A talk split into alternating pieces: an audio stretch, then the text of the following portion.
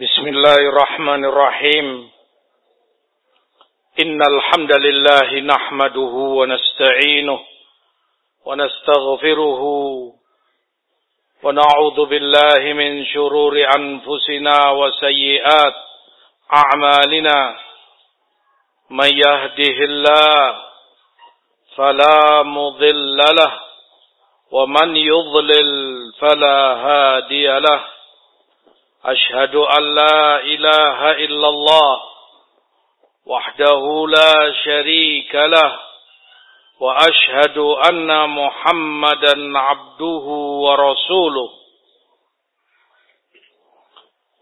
يا أيها الذين آمنوا اتقوا الله حق تقاته ولا تموتن إلا وأنتم مسلمون. يا أيها الناس اتقوا ربكم الذي خلقكم من نفس واحدة وخلق منها زوجها وبث منهما رجالا كثيرا ونساء واتقوا الله الذي تساءلون به والأرحام إن الله كان عليكم رقيبا يا أيها الذين آمنوا اتقوا الله وقولوا قولا سديدا يصلح لكم أعمالكم ويغفر لكم ذنوبكم ومن يطع الله ورسوله فقد فاز فوزا عظيما. أما بعد فإن خير الكلام كلام الله وخير الهدى هدى محمد صلى الله عليه وسلم وشر الأمور محدثاتها. فإن كل محدثة بدعة وكل بدعة ضلالة وكل ضلالة في النار. وبعد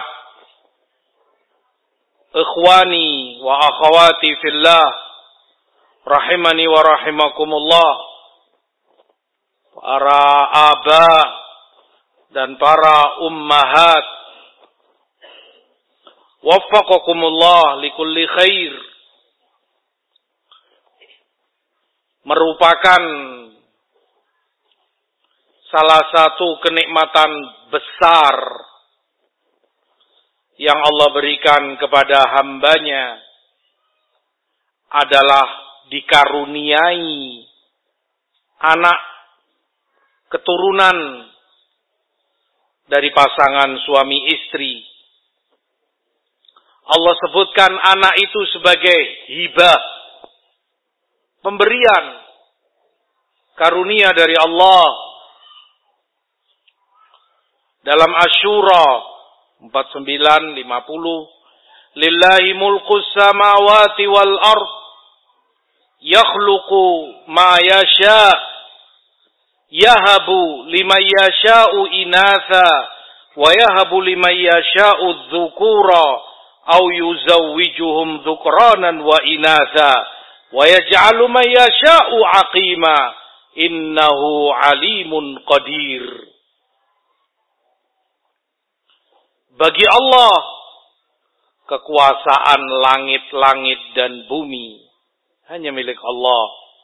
Allah menciptakan apa pun yang ia kehendaki. Allah hibahkan bagi yang Allah kehendaki anak-anak wanita. Allah hibahkan bagi yang Allah kehendaki anak-anak lelaki. Atau terkadang Allah gabungkan Allah hibahkan padanya anak laki dan anak wanita. Atau kalau Allah kehendaki pula ada yang Allah jadikan aqim, tidak berketurunan. Sungguh Allah maha mengetahui dan maha kuasa atas segala sesuatu. anak merupakan hibah, karunia dan pemberian terbaik dari Allah. Kata Ishaq ibnu Bishir rahimahullah, manusia di antara empat orang Yang pertama, yang Allah berikan padanya karunia hibah anak-anak wanita. Dari keturunannya hanya lahir anak-anak perempuan. Tidak punya keturunan lelaki. Seperti Nabiullah Lut alaihi salam. Abul Banat. Tidak memiliki keturunan lelaki. Allah yang berkehendak memberikan itu pada beliau. Ada pula dari manusia yang punya anak keturunan lelaki semua. Tidak punya keturunan wanita. Tidak terlahir anak perempuan darinya. Allah kehendaki. Allah yang hibahkan. Seperti Nabiullah Ibrahim alaihi salam. Abul Aulad. Tidak punya keturunan wanita. Ada pula yang Allah jadikan punya keturunan lelaki, punya keturunan wanita. Lahir darinya anak laki dan anak perempuan seperti Rasulullah sallallahu alaihi wasallam. Yang keempat, tidak Allah karuniakan padanya keturunan aqim seperti Nabiullah Yahya ibn Zakaria alaihi wassalam. Maka manusia seperti mereka di antara empat tipe manusia. Hibah yang Allah berikan kepada mereka yang menghiasi kehidupan mereka membuat senang dan bangga kedua orang tuanya. Di surat Kahfi, Al-malu wal banun zinatul hayatid dunya wal baqiyatu salihat khairun inda rabbika thawaban wa khairun amala. harta dan anak-anak semua itu perhiasan kehidupan dunia. Allah sebutkan sebagai zina menghiasi memang kehidupan kita.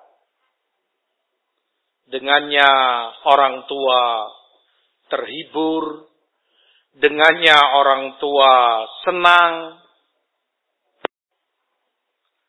di Ali Imran Zuyyina lin-nasi hubbus syahawat minan nisa'i wal banin Al-ayah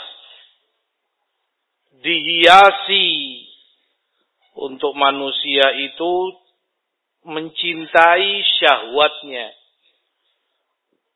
dari istri-istri mereka,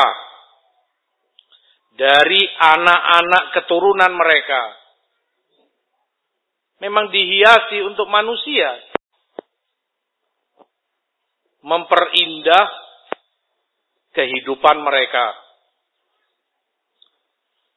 Namun juga anak adalah fitnah. Ibtila. Cobaan. Bagi kedua orang tuanya. Tanggung jawab bagaimana mereka mengatur, mendidik anak-anak mereka. Firman Allah, Indama amwalukum wa auladukum fitnah, wallahu indahu ajrun azim. Dalam taghabun, sesungguhnya harta benda kalian dan anak-anak kalian semua itu fitnah. yakni cobaan. Dicoba, diuji kalian dengan harta sebagaimana dicoba diuji dengan anak-anak keturunan kalian. Oleh karena itu di Abu Dawud ketika Rasulullah sallallahu alaihi wasallam sedang khutbah di atas mimbarnya alaihi salatu wassalam melihat Hasan dan Husain masih balia kecil sedang berjalan menggunakan gamis warna merah lucu radhiyallahu taala anhu. Sembari terjatuh-jatuh untuk melihat anak-anak balita yang masih baru bisa jalan kadang jalan sebentar terjatuh berdiri lagi nggak tahan Rasulullah SAW sehingga beliau turun dari mimbarnya. Beliau rangkul, beliau gendong Hasan dan Hussein. Kemudian beliau baca ayat ini. Sadaqallah. Maha benar Allah. Allah sebutkan dalam Quran. Innama amwalukum wa auladukum fitnah. Anak, harta dan anak kalian adalah cobaan bagi kalian. Aku melihat dua anak ini Hasan Hussein berjalan jatuh jalan. Aku nggak sabar hingga aku turun dari mimbar untuk segera mengangkat dan menggendong keduanya sallallahu alaihi wasallam. Anak bisa menyibukkan bisa melalaikan orang tuanya dari ketaatan kepada Allah, bahkan bisa menjadikan orang tuanya melanggar dan menyalahi perintah Allah dan ajaran Rasulnya karena anak-anaknya. Dan itu fitnah cobaannya. Di al-munafiqun ya ayyuhalladzina amanu La tulhikum amwalukum wala auladukum an dzikrillah. Wa man yaf'al dzalika faulaika humul khasirun. Wahai orang-orang yang beriman, jangan melalaikan kalian harta kalian, anak-anak kalian dari zikrullah. Karena yang melakukan itu dari kalian sungguh mereka itulah orang-orang yang merugi. Firman Allah pula, Ya ayuhalladzina amanu, inna min azwajikum wa auladikum aduwwan lakum fahdharuhum diattaghabun. Wahai orang-orang yang beriman, dari istri kalian, anak-anak kalian ada yang menjadi musuh bagi kalian. Musuh dalam artian tadi bisa membuat kalian berani melanggar syariat Allah, menyibukkan dan melalaikan kalian dari akhirat kalian, agama kalian. Maka berhati-hatilah terhadap mereka. Di dalam hadis Rasulullah sallallahu alaihi wasallam sebutkan al-aulad majbanatun wa mabkhala. Anak itu menjadi sebab takutnya orang tua dan pelitnya orang tua. Menjadi takut pengecut tidak berani berjihad karena anak. Tidak berani menyuarakan al-haq karena anak. Tidak berani melawan yang batil karena anak. Wama bekhala menjadi pelit, khil, tidak menginfakkan hartanya visabilillah dalam kebaikan juga karena anak Al-aulad majbanatun wa mabkhala bisa menjadi sebab takutnya orang tua menjadi pengecut dan membuat mereka bakhil untuk berbuat kebaikan. Ikhwani fillah rahimani wa rahimakumullah. Maka tidak akan tenang seorang mukmin, seorang mukminah kecuali sampai anak yang Allah berikan kepadanya menjadi anak-anak yang saleh, berakidah, bertauhid, beribadah hanya kepada Allah, berakhlak, bermoral mulia, jauh dari segala kerusakan. Oleh karenanya, Allah sebutkan sifat ibadur rahman. Salah satu doa mereka minta kepada Allah. Walladzina yaquluna rabbana hab lana min azwajina wa dhurriyyatina qurrata a'yun waj'alna lil muttaqina imama. Mereka selalu berdoa wahai Rabb kami hibahkan kepada kami pemberian. Anak. Istri dan anak-anak kami. Kurrota ayun. Yang menyejukkan mata kami. Tidak cukup itu hibah. Allah berikan kepadanya. Namun tidak akan tenang si mukmin si mukminah sampai dia melihat anak-anaknya dalam ketaatan kepada Allah sejuk matanya memandang anaknya. Taat ibadah, sejuk matanya melihat anak-anaknya berakhlak, sejuk matanya melihat anak-anaknya bertauhid, berakidah, bermanhaj yang benar, istiqamah. Doa para nabi. Seperti doa Nabi Zakaria alaihi salam Allah sebutkan hal itu dalam Ali Imran. Hunalika da'a Zakaria Rabbah. Di sana Zakaria berdoa kepada Robnya. Qala Rabbi habli min ladunka dhurriyatan tayyibah. Innaka sami'ud du'a. Wahai Rabbku, hibahkan untukku dari sisimu anak keturunan yang tayyibah, yang baik yang saleh. Engkau maha mendengarkan doa. Maka anak besar manfaatnya bagi kedua orang tuanya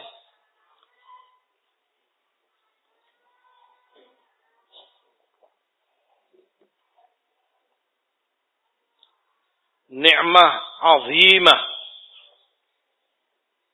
yang Allah berikan kepada hambanya. Di dalam hadis Rasulullah sebutkan idza mata ibnu Adam in qata'a amaluhu illa min thalath. Kalau sudah mati Bani Adam terputus amalannya. Tidak lagi ngalir kepadanya kecuali yang tiga. Sodakotun jariyah. Sedekah yang jalan. Seperti wakaf. Au ilmin yuntafa'u. Atau ilmu yang berguna bagi orang diamalkan mereka ngalir padanya pahala. Awaladin saleh yad'u lahu atau anak yang saleh yang berdoa untuknya, anak. Membuat pahala orang tuanya terus mengalir walaupun mereka telah wafat. Di Imam Ahmad dan Ibnu Majah, Rasulullah sebutkan, Innar rajula la turfa'u darajatuhu fil jannah Seorang hamba diangkat derajatnya di jannah. Masallallahu min fadli. Ditambah dan diangkat derajatnya. Maka karena heran hamba ini bertanya, Yaqulu anna hadha. Dari mana aku dapati ini? Kenapa derajatku diangkat? Dia merasa amalannya tidak sampai mengangkat dia ke derajat itu.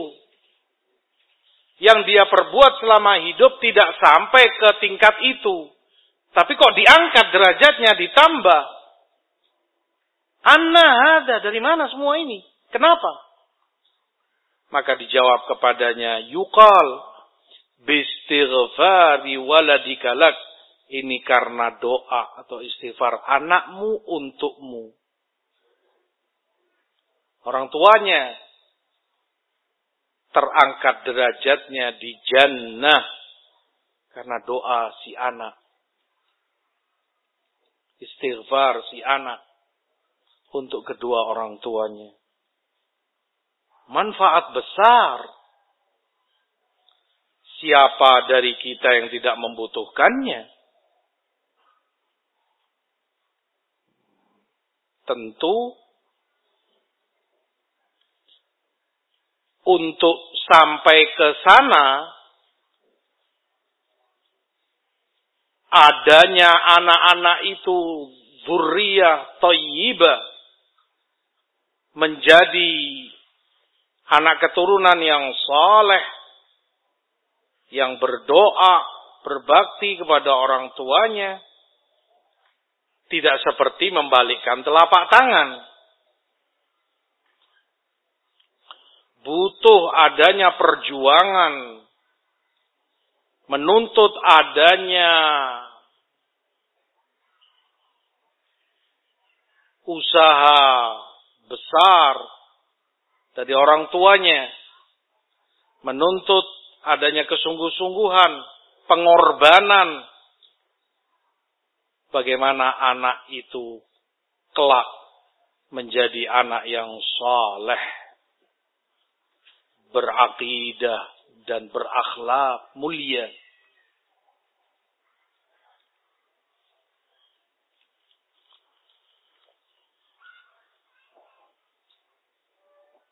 memang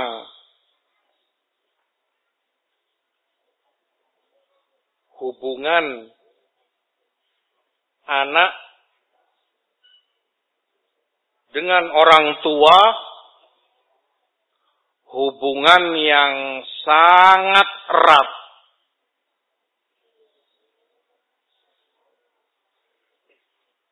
Kuat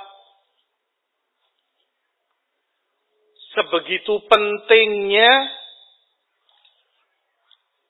hingga Allah Subhanahu wa taala dalam Quranul Azim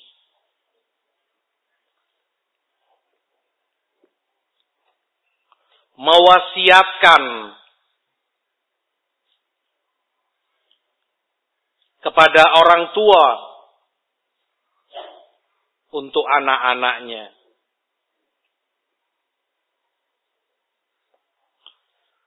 dalam An-Nisa yusikumullahu fi auladikum Allah berwasiat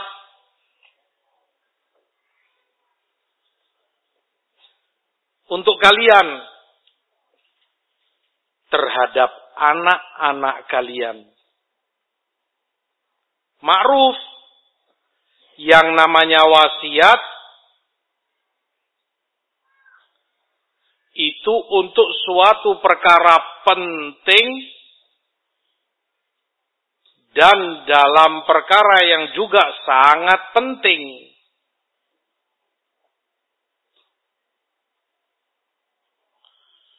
Layaknya orang kalau hendak meninggal, merasa sudah dekat ajalnya, sakit parah. ketika dia kumpulkan anak-anaknya, dia berwasiat. Saat menyampaikan wasiat itu tentunya perkara-perkara yang sangat penting akan dia sampaikan. Nggak mungkin perkara sepele akan dia sampaikan saat wasiat. Bukan perkara kecil. Karena umurnya sudah nggak panjang. Dia akan wasiat betul-betul perkara penting. Aku wasiatkan pada kalian. Jaga ibu kalian misalnya adik kalian ini, begini, begini. Perkara-perkara penting. Sholat kalian dan seterusnya. Allah wasiatkan anak-anak kalian itu pada kalian. Yusikumullah fi auladikum. Allah berwasiat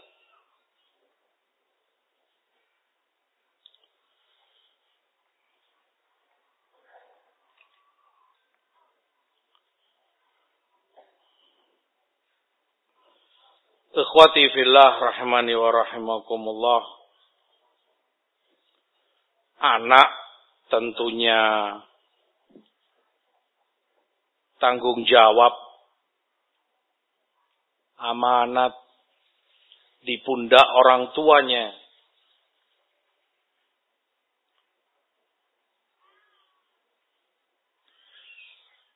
Dalam hadis Rasulullah sebutkan Innallaha sa'ilun kulla ra'in amma.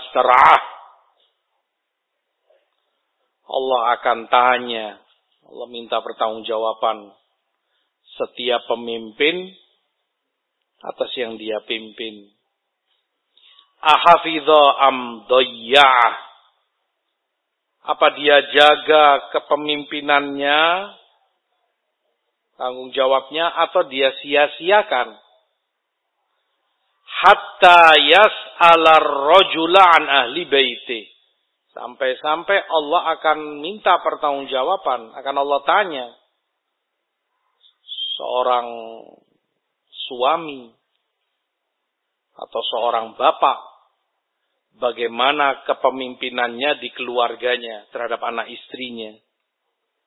Apa dia jaga atau dia sia-siakan Diapakan anak istrinya ini? Amanat dari Allah. Hibah yang Allah berikan. Dia apakan?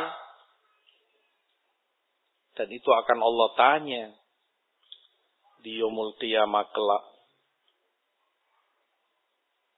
Di Bukhari Muslim pula hadis ma'ruf kullukum ra'in wa kullukum mas'ulun an ra'iyyatih Masing-masing kalian adalah pemimpin dan bertanggung jawab atas apa yang dia pimpin.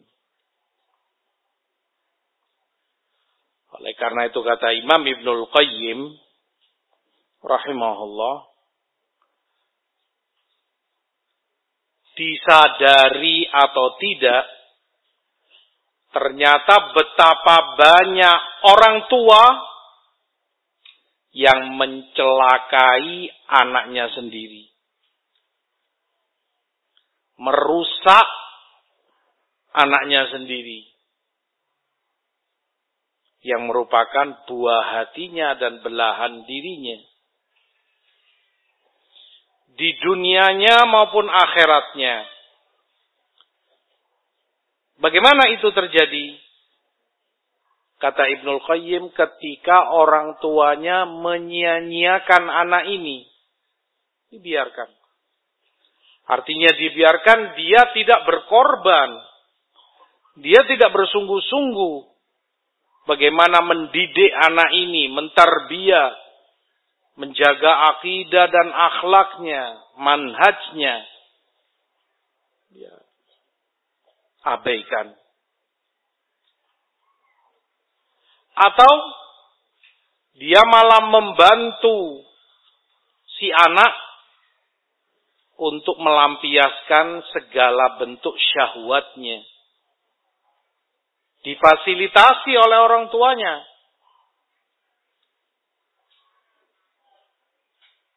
Dengan alasan anak sudah besar, dengan alasan ini dan itu. Untuk syahwatnya. Dia menyangka dengan itu menyayangi anaknya padahal dia sedang merusak anaknya. Dia menyangka dengan itu memuliakan anaknya padahal dia telah menghinakan si anak.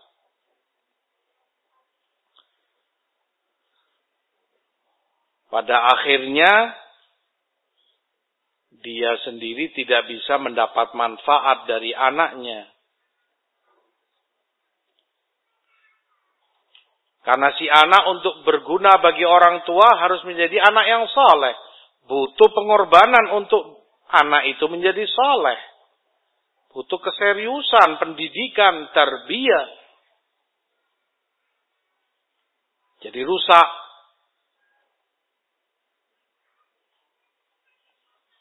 jauh dari akidah, jauh dari iman, jauh dari tauhid, jauh dari akhlak karimah.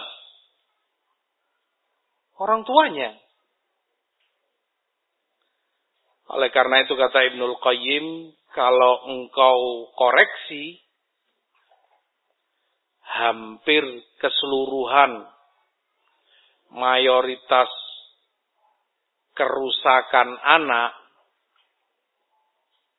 yang mereka istilahkan dekadensi moral pada anak sebab utamanya adalah orang tuanya sendiri. Kamu apa akan anak-anakmu anak-anakmu semenjak kecil? Ke mana peranmu sebagai orang tua? Jadi apa anak-anakmu ini? Mana tanggung jawabmu? Orang tuanya sibuk sendiri, kerja cari nafkah atau apa. Mungkin sebagian orang tua merasa cukup dengan mensekolahkan anaknya. Sudah saya sekolahkan kok. Seakan dengan itu cukup sudah tanggung jawab orang tua saya membiayai saya bayar SPP-nya tiap bulan. Saya belikan buku dan seterusnya. Entah apa yang terjadi pada akhlakiyat, maknawiyat, suluk si anak. Siapa teman-temannya, bagaimana pergaulannya. Tiba-tiba saja dikejutkan orang tua, muncul generasi baru yang naudzubillah syarat dengan narkoba. Dari SD bahkan. Rokok, minuman keras dan lain sebagainya.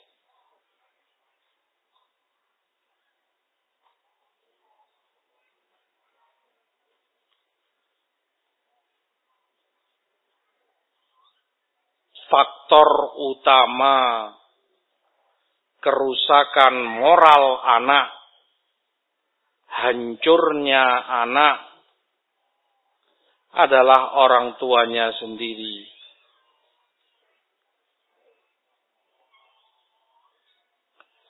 Kata Imam Ibnul Qayyim, demikian ketika orang tuanya tidak mendidik dari semenjak dini anak-anaknya. Kewajiban-kewajiban agamanya, pokok-pokok dasar imannya, tidak mentarbiah anak-anaknya pada sunnah-sunnah rasulnya, mereka menyia-nyiakan anak mereka semenjak kecil. Maka orang tuanya pun tidak mendapatkan manfaat dari anak-anaknya ketika mereka telah tua dan senja.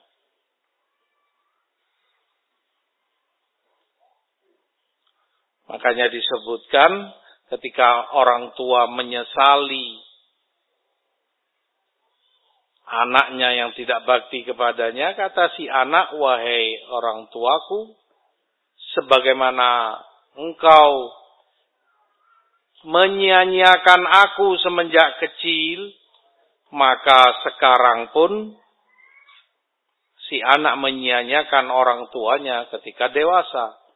Orang tuanya terlebih dahulu durhaka kepada anaknya. Kedurhakaan bukan hanya dari anak kepada orang tua. Orang tua pun bisa durhaka pada anaknya.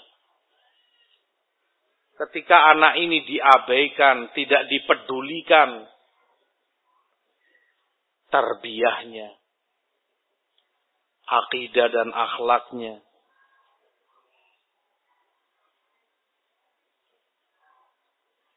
Nas'alullah al-afiyah wassalamah.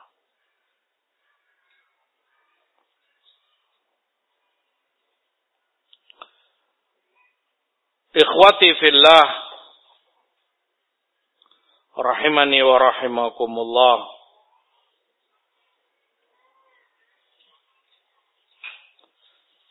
Tentu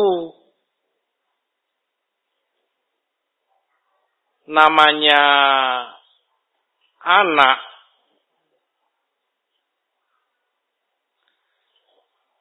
hidayah mereka sebagaimana hidayah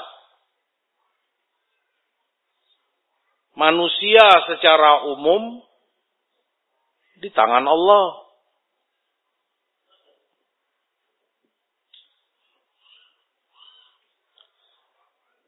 Namun seorang hamba diperintahkan untuk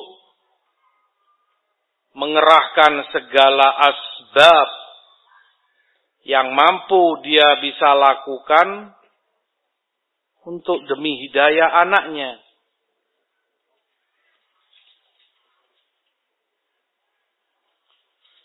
bagaimana tertanam ketakwaan, kebaikan dalam diri si anak.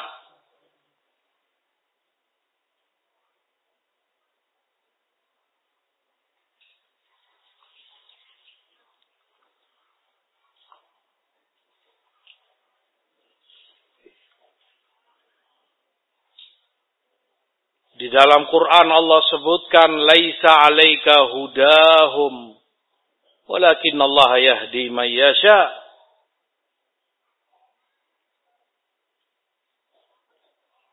Bukan kekuasaanmu untuk memberi hidayah kepada mereka. Tetapi Allah yang memberi hidayah kepada yang Allah kehendaki. Innaka la tahdi man ahbabta. Walakin Allah yahdi man yasha. Dalam Al-Qasas. Engkau tidak bisa memberi hidayah kepada yang engkau cintai. Hanya karena kamu sangat cinta padanya kemudian pasti mendapat hidayah. Lah. Itu hanya Allah yang kuasa Allah memberi hidayah kepada yang Allah kehendaki. In alaika illal balagh. Dalam asyura. Tugasmu, kewajibanmu sebatas menyampaikan. Ini permasalahannya. Sudahkah orang tua itu menyampaikan kewajiban-kewajibannya? Sudahkah orang tua itu menjalankan segala kewajibannya untuk mencetak dan membuat anak-anaknya zurriyatan tayyibah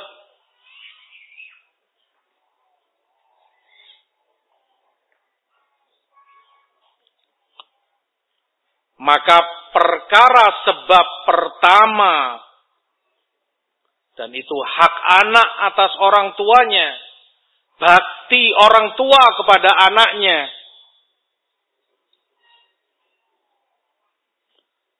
Nas'alullah al-i'anah adalah pembenahan kepada dirinya sendiri.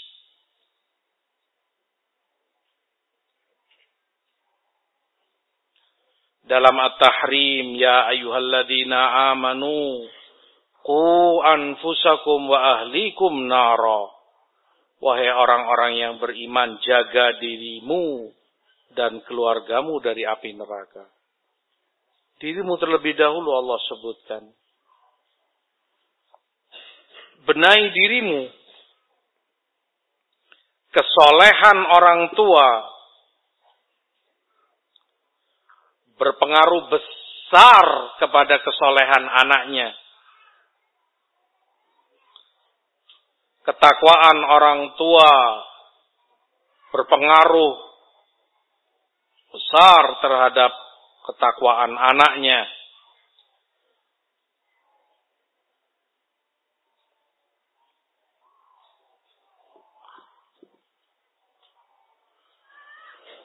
Dalam At-Tur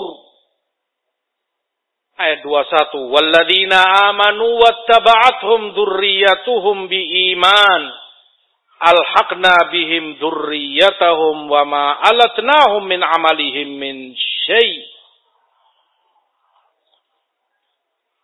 Dan orang-orang yang beriman dan diikuti oleh anak keturunannya kami sertakan diikuti oleh anak keturunannya dengan imannya kami sertakan bersama mereka anak keturunannya. Di jannah di surga dipertemukan oleh Allah. Ditambah kebahagiaan si hamba. Dengan anak-anaknya pun disertakan bersamanya. Karena orang tuanya adalah orang-orang yang beriman, berakidah, bertauhid, berakhlak,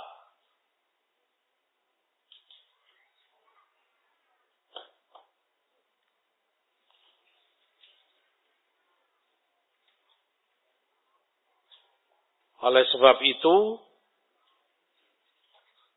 di dalam surat Kahfi, Allah sebutkan wa kana abuhuma saliha dan bapak keduanya adalah seorang bapak yang soleh Kisah Nabi Musa bersama Nabi Khidir alaihi wassalam. Ketika dijaga oleh Nabi Khidir rumahnya yang mau roboh. Nah, sehingga terjaga keselamatan si anak ini. Terjaga harta benda si anak ini. Karena apa? Kesolehan orang tuanya. Dijaga anak ini oleh Allah karena kesolehan orang tuanya.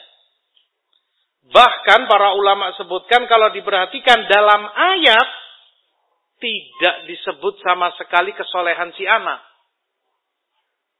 Perhatikan ayat. Wa kana abuhuma. Yang menjadikan anak ini terjaga, terlindungi Allah kehendaki untuk dijaga dan dilindungi karena kesolehan orang tuanya. Allah nggak sebutkan karena anak ini anak soleh. Allah alam bagaimana kondisi anak ini. Tapi yang Allah sebut orang tuanya. Orang tua yang soleh. Karenanya anak-anak keturunannya dijaga oleh Allah. Kata Ibnu Abbas, hufidha bisalahi abihima. Bisalahi abihima. Demikian dua anak ini di surat Kahfi dilindungi, dijaga oleh Allah karena kesolehan bapaknya. Lihat dahsyatnya pengaruh kesolehan orang tua pada anak-anaknya. Kata Imam Muhammad bin Munkadir, Allah menjaga, melindungi seorang anak, bahkan keturunannya, yakni dijaga oleh Allah anak-anakmu, dijaga oleh Allah cucu-cucumu, dijaga oleh Allah yang di sekitarmu. Bahkan dijaga oleh Allah tetangga-tetanggamu. Dijaga, dilindungi oleh Allah selama kamunya soleh. Terkait hadis Ihfadillah yahfadka. Ihfadillah tajidhu tujahak. Jaga Allah olehmu pasti Allah akan menjagamu. Jaga Allah olehmu, pasti engkau akan dapati Allah selalu di hadapanmu. Kesolehanmu berpengaruh. Bukan hanya pada dirimu, tapi ingat anak-anakmu. Orang tua mana yang tidak ingin anaknya dilindungi, dijaga di zaman terlebih seperti ini? Yang kerusakan merajalela di setiap lini. Hampir tidak ada yang selamat illa mansya Allah. Sampai ke ujung gunung sana. Tidak ada lagi perbedaan kota dan desa.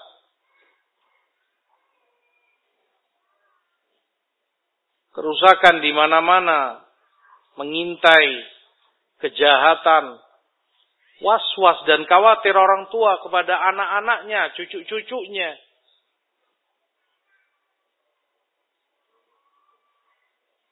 Maka mulai dari diri kita sendiri.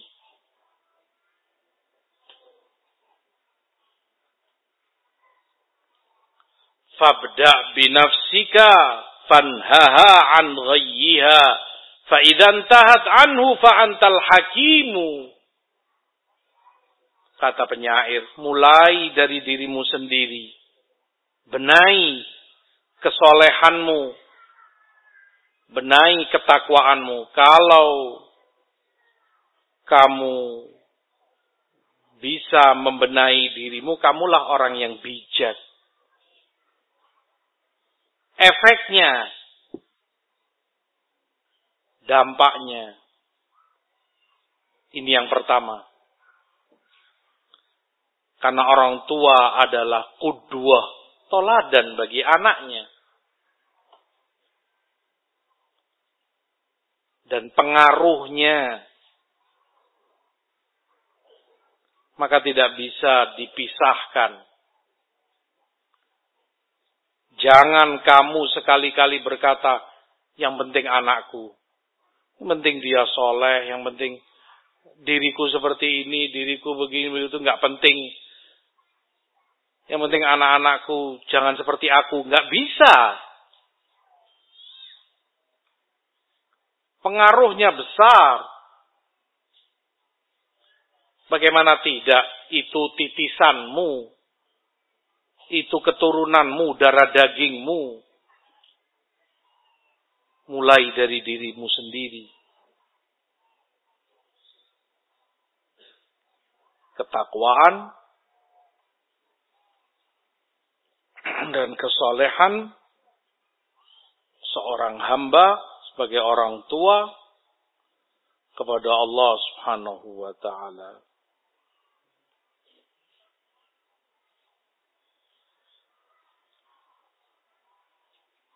Yang kedua,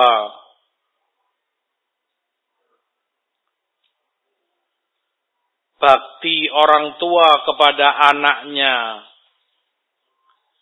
untuk mereka carikan ibu yang salehah. Karena anak adalah bibitmu yang engkau tanamkan.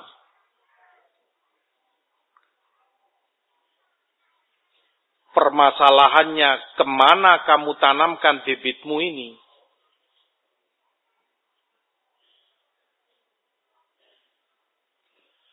Seorang wanita adalah kebun tempat suaminya menanamkan bibit keturunannya. Rasulullah SAW sebutkan dalam Abu Dawud, Tazawwajul wadudal walud, fa mukafir bikumul umam. Nikahi wanita yang penyayang padamu, atau pada wanita itu ada sifat-sifat kriteria yang membuat kamu semakin sayang dan cinta padanya. Al-walud subur keturunannya. Karena aku bangga dengan banyaknya kalian umatku di hari kiamat kelak. Di hadis ma'ruf fazfar bidati din taribat yada cari istrimu itu yang karena agamanya agar kamu selamat.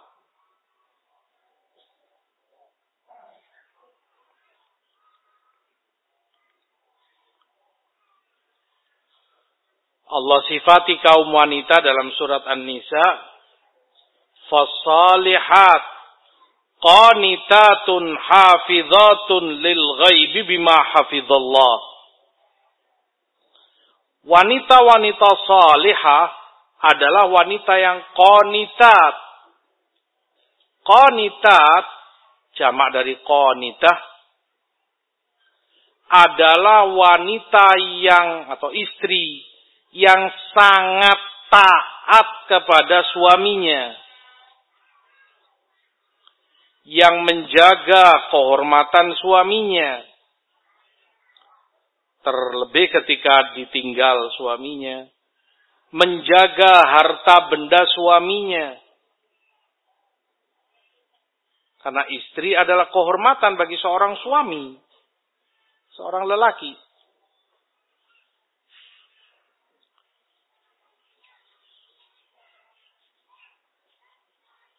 Di dalam hadis Rasulullah katakan, "Ala ukhbirukum bi khairi ma yaknazuhul mar'u al mar'ah as-salihah. Di riwayat Hakim. Mau aku kabarkan kepada kalian simpanan kans kans itu simpanan harta karun yang sangat berharga yang kamu dapati. Artinya kekayaan dan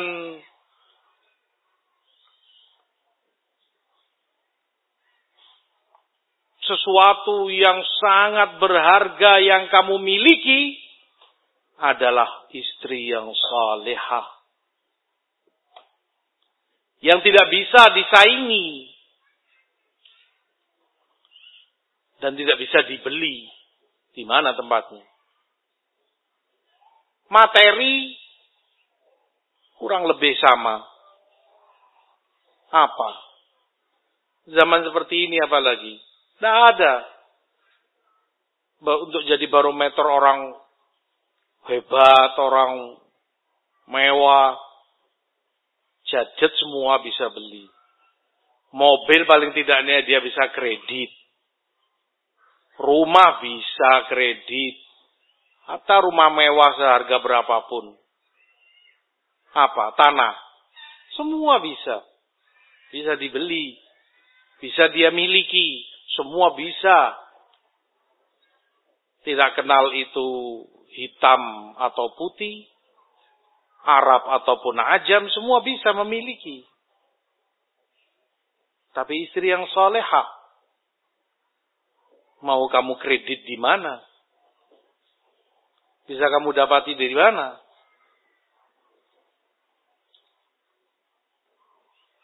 hak seorang anak dicarikan ibu yang salehah. Di riwayat Ibnu Majah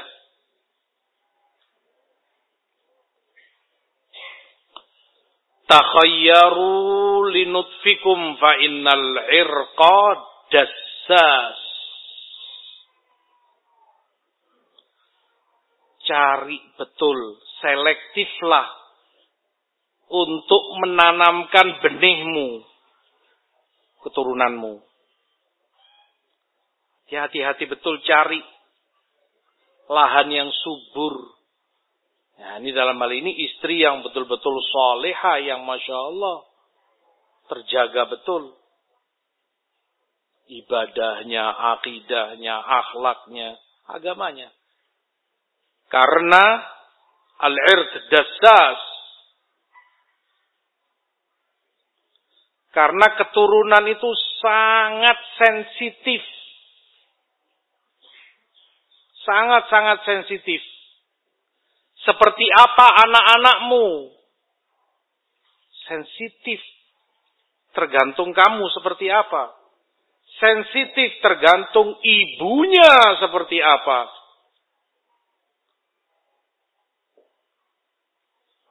Maka pastikan cari ke mana bibitmu ini hendak kamu tanamkan.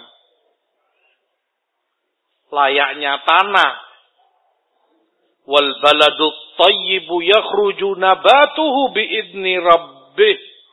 Walladhi khabutha la yakhruju illa nakida. Kalau itu tanah subur dengan mudah dan baik hasil tanamannya cepat besar buah menghasilkan. Kalau subur kalau enggak ya kamu akan celaka dan sengsara kamu keluar banyak biaya, kamu capek, buang waktu, tapi tidak menghasilkan. Ibu. Hak anak kepada orang tuanya untuk mencapai dan menghasilkan zuriatan tayyibah anak keturunan yang saleh tadi pengorbanan besar usaha sungguh-sungguh adalah mencarikan calon ibu yang baik bagi anak-anakmu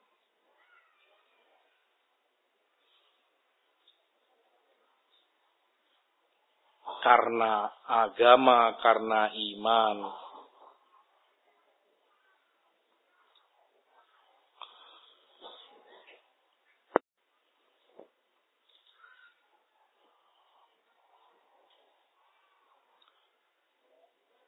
Yang ketiga,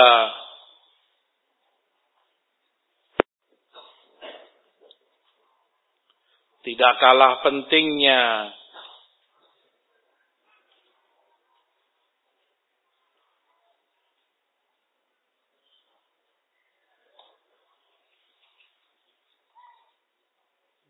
Dalam tarbiyatul aulad. Mendidik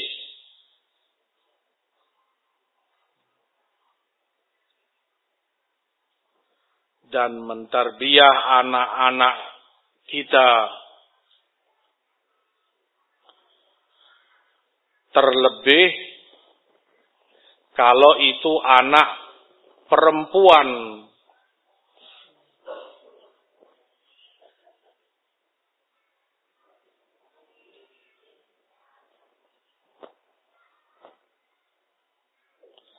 Allah Subhanahu wa taala mencela masyarakat jahiliyah karena marahnya mereka kalau diberi keturunan perempuan lahir darinya anak-anak wanita.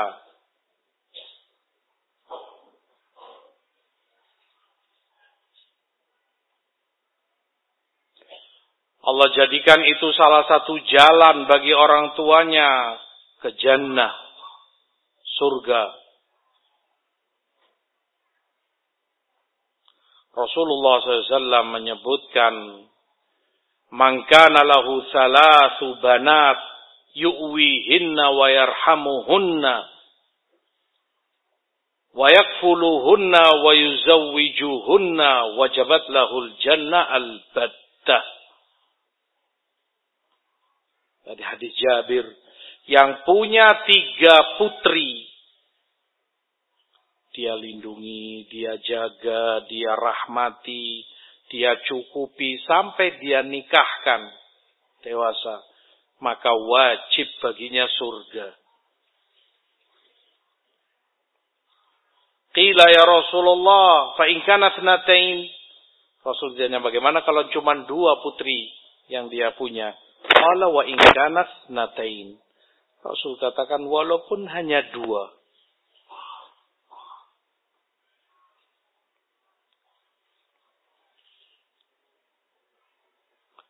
Juga di hadis Anas Man ala jariyatain hatta tablugha jaa yaumal qiyamah ana wa huwa wa dhamma asabi'ahu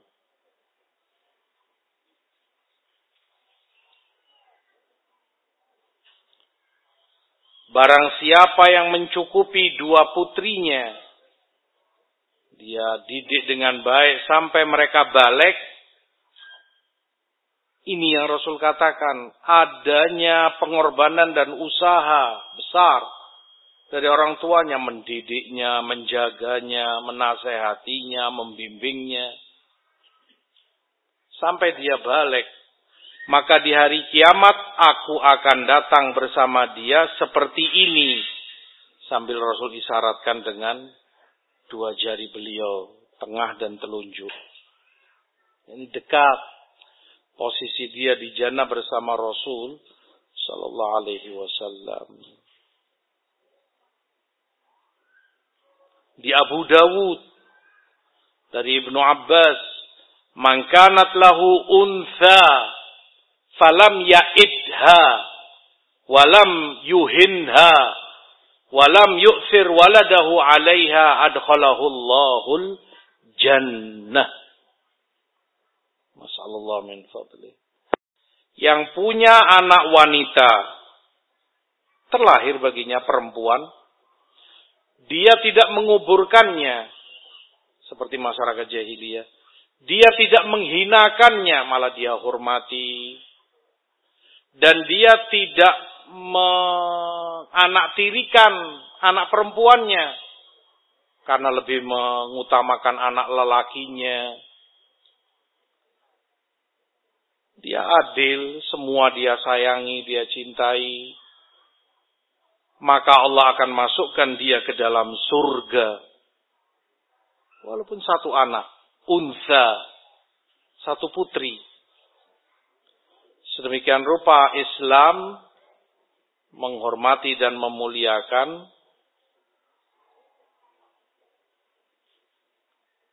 perempuan. Makanya kata Imam Ibnu Battal rahimahullah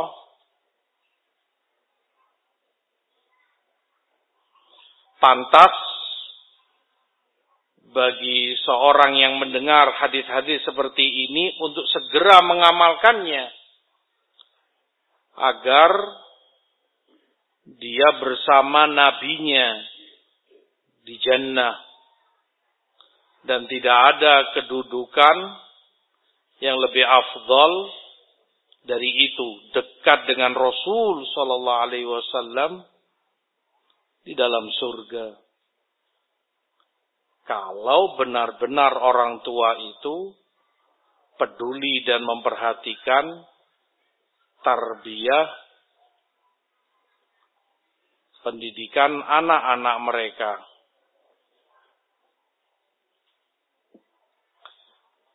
Ikhwati fillah rahimani wa rahimakumullah. Di dalam Islam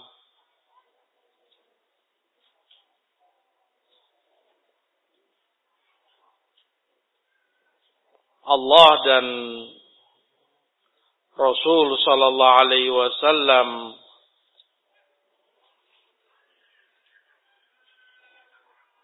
juga mengajarkan agar orang tua itu selalu dan sering dan banyak dan terus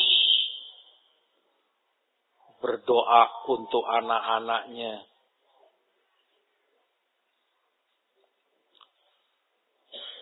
Berdoa untuk kesolehan mereka. Nabiullah Ibrahim memohon kepada Allah, "Wajnubni wa baniya an na'budal asnam." Jauhkan aku dan anak keturunanku dari peribadatan kepada berhala. Jauhkan aku dan anak keturunanku dari segala kemusyrikan. Juga dalam ayat Rabbi ja'alni salah wa min dzurriyyati. Ya Allah jadikan aku orang yang menegakkan salat. Begitu pula anak-anak keturunanku. Jadikan mereka keturunan yang selalu menjaga dan menegakkan sholat. Dan telah lalu tadi doa Nabiullah Zakaria. Rabbi habli min ladunka tayyibah. Berikan kepadaku dari sisimu ya Allah keturunan yang baik. Doa. Makanya di Bukhari Muslim Rasul kadang atau sering mendoakan Hasan dan U'idhukuma bi kalimatillahi tammah min kulli syaitan wa hamma wa min kulli ainin lamma Aku jagakan dirimu Aku lindungkan dirimu kepada Allah kepada kalimat Allah yakni Quran yang merupakan sifat Allah yang maha sempurna dari segala syaitan dan segala penyakit, dari segala mata yang jahat.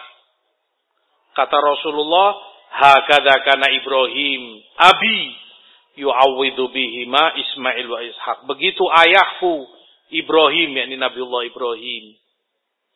Juga mendoakan anaknya Ismail dan Ishaq alaihi wassalam. Didoakan seperti itu oleh Ibrahim. Doa orang tua untuk anaknya. Sunnah para nabi. Sunnah para rasul. Semenjak dahulu kala. Oleh karena itu dilarang orang tua mendoakan jelek bagi anaknya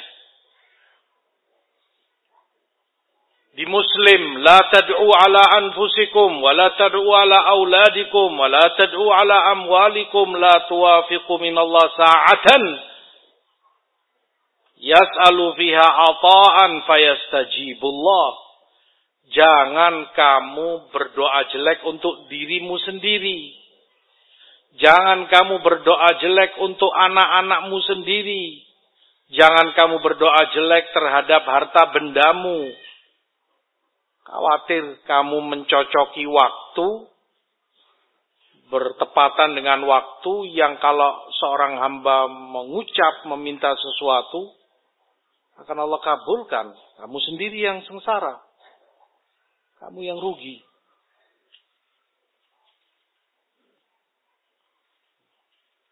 Mungkin karena jengkel orang tua kepada anaknya Mungkin karena kesal dan lain segala banyak sebab. Akhirnya terlontar dari lisannya yang tidak baik untuk anak-anaknya. Awas kamu. Ya. Gak selamat kamu. Alhamdulillah. Anaknya didoakan tidak selamat. Karena emosi karena. Lah kalau itu waktu yang terkabul. Ucapanmu ini dikabulkan oleh Allah. Nggak selamat benar anakmu.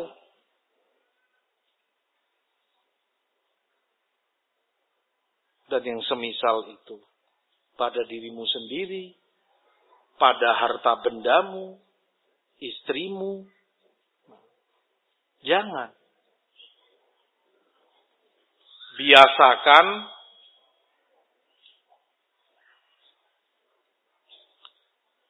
mengucapkan kata-kata doa yang baik. Hadakallah. Aslahakallah. Allah yahdi. Dan semisalnya. Semoga Allah memberimu hidayah. Semoga Allah membenaimu, menjadikan kamu soleh. Kalaupun dalam keadaan jengkel. Tapi itu yang terucap. Kalau dikabulkan kan bagus. Semoga dia mendapat hidayah. Semoga dia dijadikan soleh, dibenahi oleh Allah. Akhlaknya, ibadahnya. Doa dari orang tua kepada anak-anaknya. Terutama di waktu-waktu mustajab. Sepertiga malam terakhir di waktu sujud, sedekat-dekatnya hamba kepada Allah,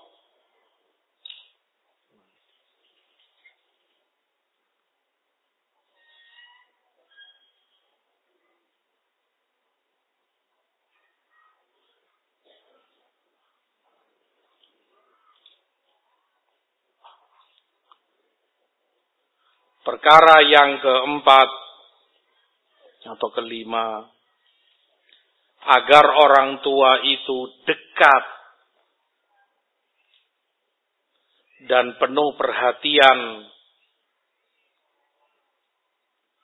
penuh kasih sayang dan rahmat kepada anak-anaknya. Di riwayat Hakim, khairukum khairukum li ahlihi wa ana khairukum li ahli. Sebaik-baik kalian adalah sebaik-baik kalian kepada keluarganya.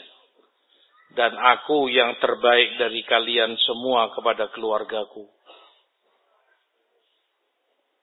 Dalam hadis Abu Hurairah tersebutkan bagaimana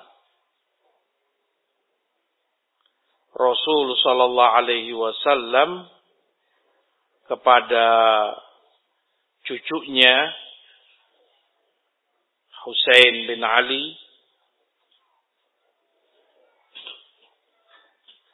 Uh, menjulurkan lidah beliau kepada Husain masih kecil. Sehingga melihat merahnya lidah Rasul SAW Husain yang masih kecil apa ya tergoda atau ini untuk mengambil atau meraih lidah Rasul Sallam. Asyahid kasih sayang, perhatian dari orang tua kepada anaknya. Kata Umar dalam Abu Ya'la, Aku melihat Hasan dan Husain naik di bahu Rasul sallallahu alaihi wasallam. Maka kata Umar, aku sampaikan, ni'mal faras tahtakuma. Uh, tunggangan yang sangat baik bagi kalian berdua, Rasulullah SAW. Dijadikan tunggangan. Rasul semulia-mulianya orang. Maka Rasulullah segera menjawab, "Wa ni'mal farisan huma." Dan penunggangnya pun penunggang terbaik, bukan sekedar tunggangannya. Penunggangnya juga Hasan dan Husain. Radhiyallahu taala anhumah. Di hadis Anas juga kita tahu bagaimana Rasulullah SAW katakan kepada anak kecil yang masih muda. Ya Aba Umar ma fa'alan nughair. Ketika burungnya sudah nggak ada. Awalnya kemarin dilihat main-main dengan burung. Ya Aba Umar ma fa'alan nughair. hadis yang ringkas. Yang karenanya para ulama hadis sampai istimbat 200 faidah, 200 hukum terambil dari hadis ini. Ya Aba Umar ma fa'alan nughair. Asyahid perhatian Rasul kepada anak. Kepedulian, kasih sayang, cinta, tidak kaku. Tapi dekat, sebegitu dekatnya Sallallahu Alaihi Wasallam kepada cucu-cucu beliau begitulah secara umum orang tua kepada anak-anak mereka.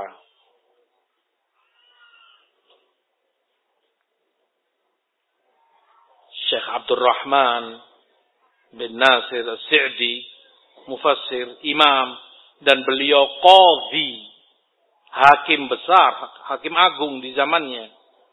Abdurrahman Sa'di, sahib tafsir, guru besar Syekh Ibn Utsaimin. Disebutkan dalam biografinya, terkadang beliau sudah sedang sibuk membawa buku-bukunya, berkas-berkasnya untuk ke pengadilan karena beliau hakim agung tiap harinya ke kantor. Begitu beliau keluar rumah dari pintu, pagar masih jauh depan sana, di depan di halaman anak-anak beliau yang masih kecil sedang main dengan anak-anak tetangganya, anak-anak kecil, banat, perempuan kecil. Mungkin di sosial TK gitu. Nah, antum tahu bagaimana anak kecil, perempuan biasanya masak-masakan ya. Sok jadi seorang ibu, begini, begini. Dipanggil oleh anak tetangga ini. Ya, Syekh, Mampir ke rumahku ya rumah-rumahan dia itu yang sedang mainan. Sesak di ulama besar, hakim agung. Mau menyempatkan diri duduk di bawah tanah bersama anak kecil ini. Oh ya, mana rumahmu? Yang ini, Syekh. Masya Allah. Tak buatkan kopi ya, ya ada cangkir-cangkiran kecil ada teko-tekoan, antum tahu bagaimana anak kecil main kompor-komporan ini itu dari plastik mungkin. Oh iya, zakillah khair, masya Allah. Nah, semuanya mainan namanya anak. Tak akan dia menuangkan kopi kemudian diminum. Masya Allah, enak kopinya. Asyahid perhatian. Lihat kedekatan kepada anak. Dan itu berpengaruh besar kepada anak-anak kita. Merasa dia mendapat kasih sayang. Merasa dia mendapat cinta, perhatian dari orang tuanya. Manja. Kemanjaan dari orang tuanya. Kemanjaan dalam batas kasih sayang, rahmat. Besar pengaruhnya karena salah satu sebab anak itu rusak, anak itu broken home, salah satu sebab anak itu hancur maknawiyahnya karena kehilangan kasih sayang orang tua. Kehilangan perhatian orang tua kehilangan kemanjaan dari orang tua. Akhirnya jadi anak jalanan. Qul billah.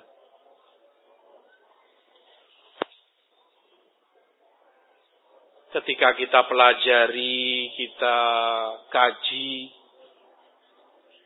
dari sekian sebab terbesar Perhatikan, dari sekian sebab terbesar futur, futur, anak jadi bosan dengan lingkungan agamis.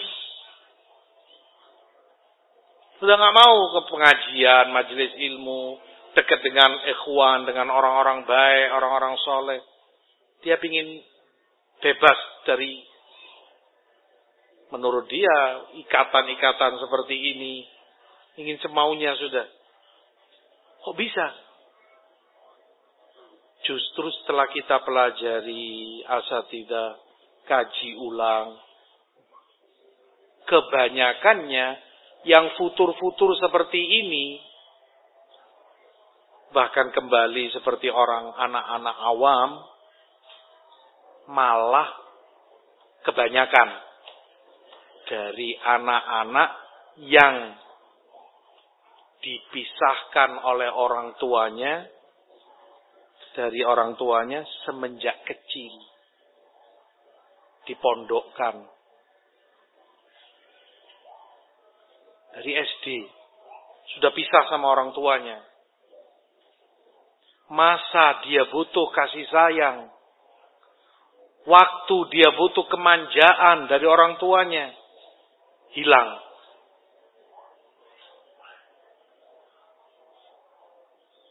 Dendam anak ini kepada orang tuanya. Dia merasa lingkungan ini merampas kebebasan dia. Kebebasan dalam artian tadi. Untuk bersama orang tuanya. Mendapat cinta, kasih sayang. Terus dia berkembang dalam keadaan mendendam, menyimpan permusuhan. Sampai dia jadi dewasa, akhirnya futur.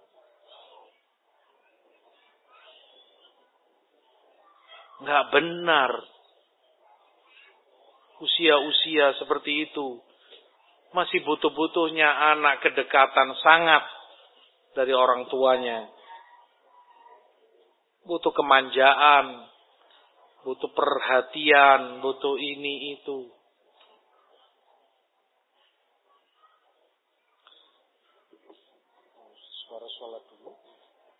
Nah, ini merupakan sebab yang kelima, perhatian, rahmat, dan kasih sayang orang tua kepada anak-anaknya. Bahkan saat anak itu sudah dewasa, sudah balik, sudah istilahnya jadi orang, butuh kedekatan. Saat itu sudah tidak bisa lagi kamu kita sebagai orang tuanya memposisikan mereka seperti anak. Dalam artian kita doktrin, kita bentak, kita marah, sudah bukan waktunya. Dia punya ketersinggungan, dia punya perasaan, dia punya ini. Gak bisa. Beda cara. Butuh kedekatan. Bahkan kita yang turun, masuk ke mereka. Dekat. Apa masalahmu nak? Kamu punya problem apa? Kenapa? Mungkin Abi bisa membantu. Layaknya kita seperti teman baginya. Kenapa kamu begini? Apa masalahmu? Kenapa engkau seperti ini? Apa masalah yang terjadi padanya? Dengan kasih sayang. Ya waladi taqillah. Anakku takwalah kamu kepada Allah. Nggak boleh kamu begini. Ini madorotnya bagi kamu seperti ini. Perlu diberi pencerahan.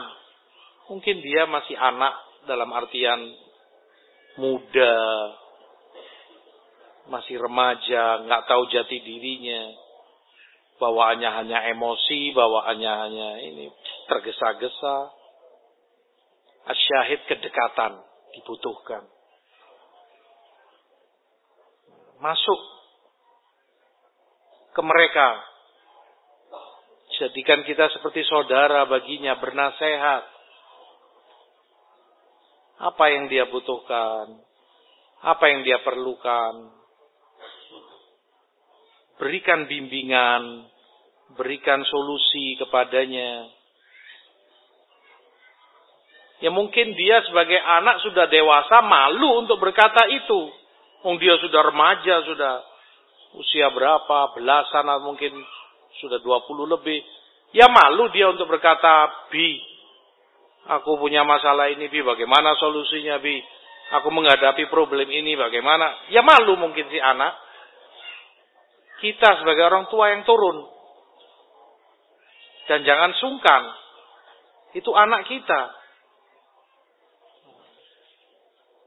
Butuh rahmat dan kepedulian, perhatian dari kita orang tua untuk mereka kita skors untuk sholat. Insya Allah kita lanjutkan sedikit uh, setelah antum sholat sunnah insya Allah. وفقكم الله لما يحب ويرضى والصلاة والسلام على رسول الله والحمد لله رب العالمين.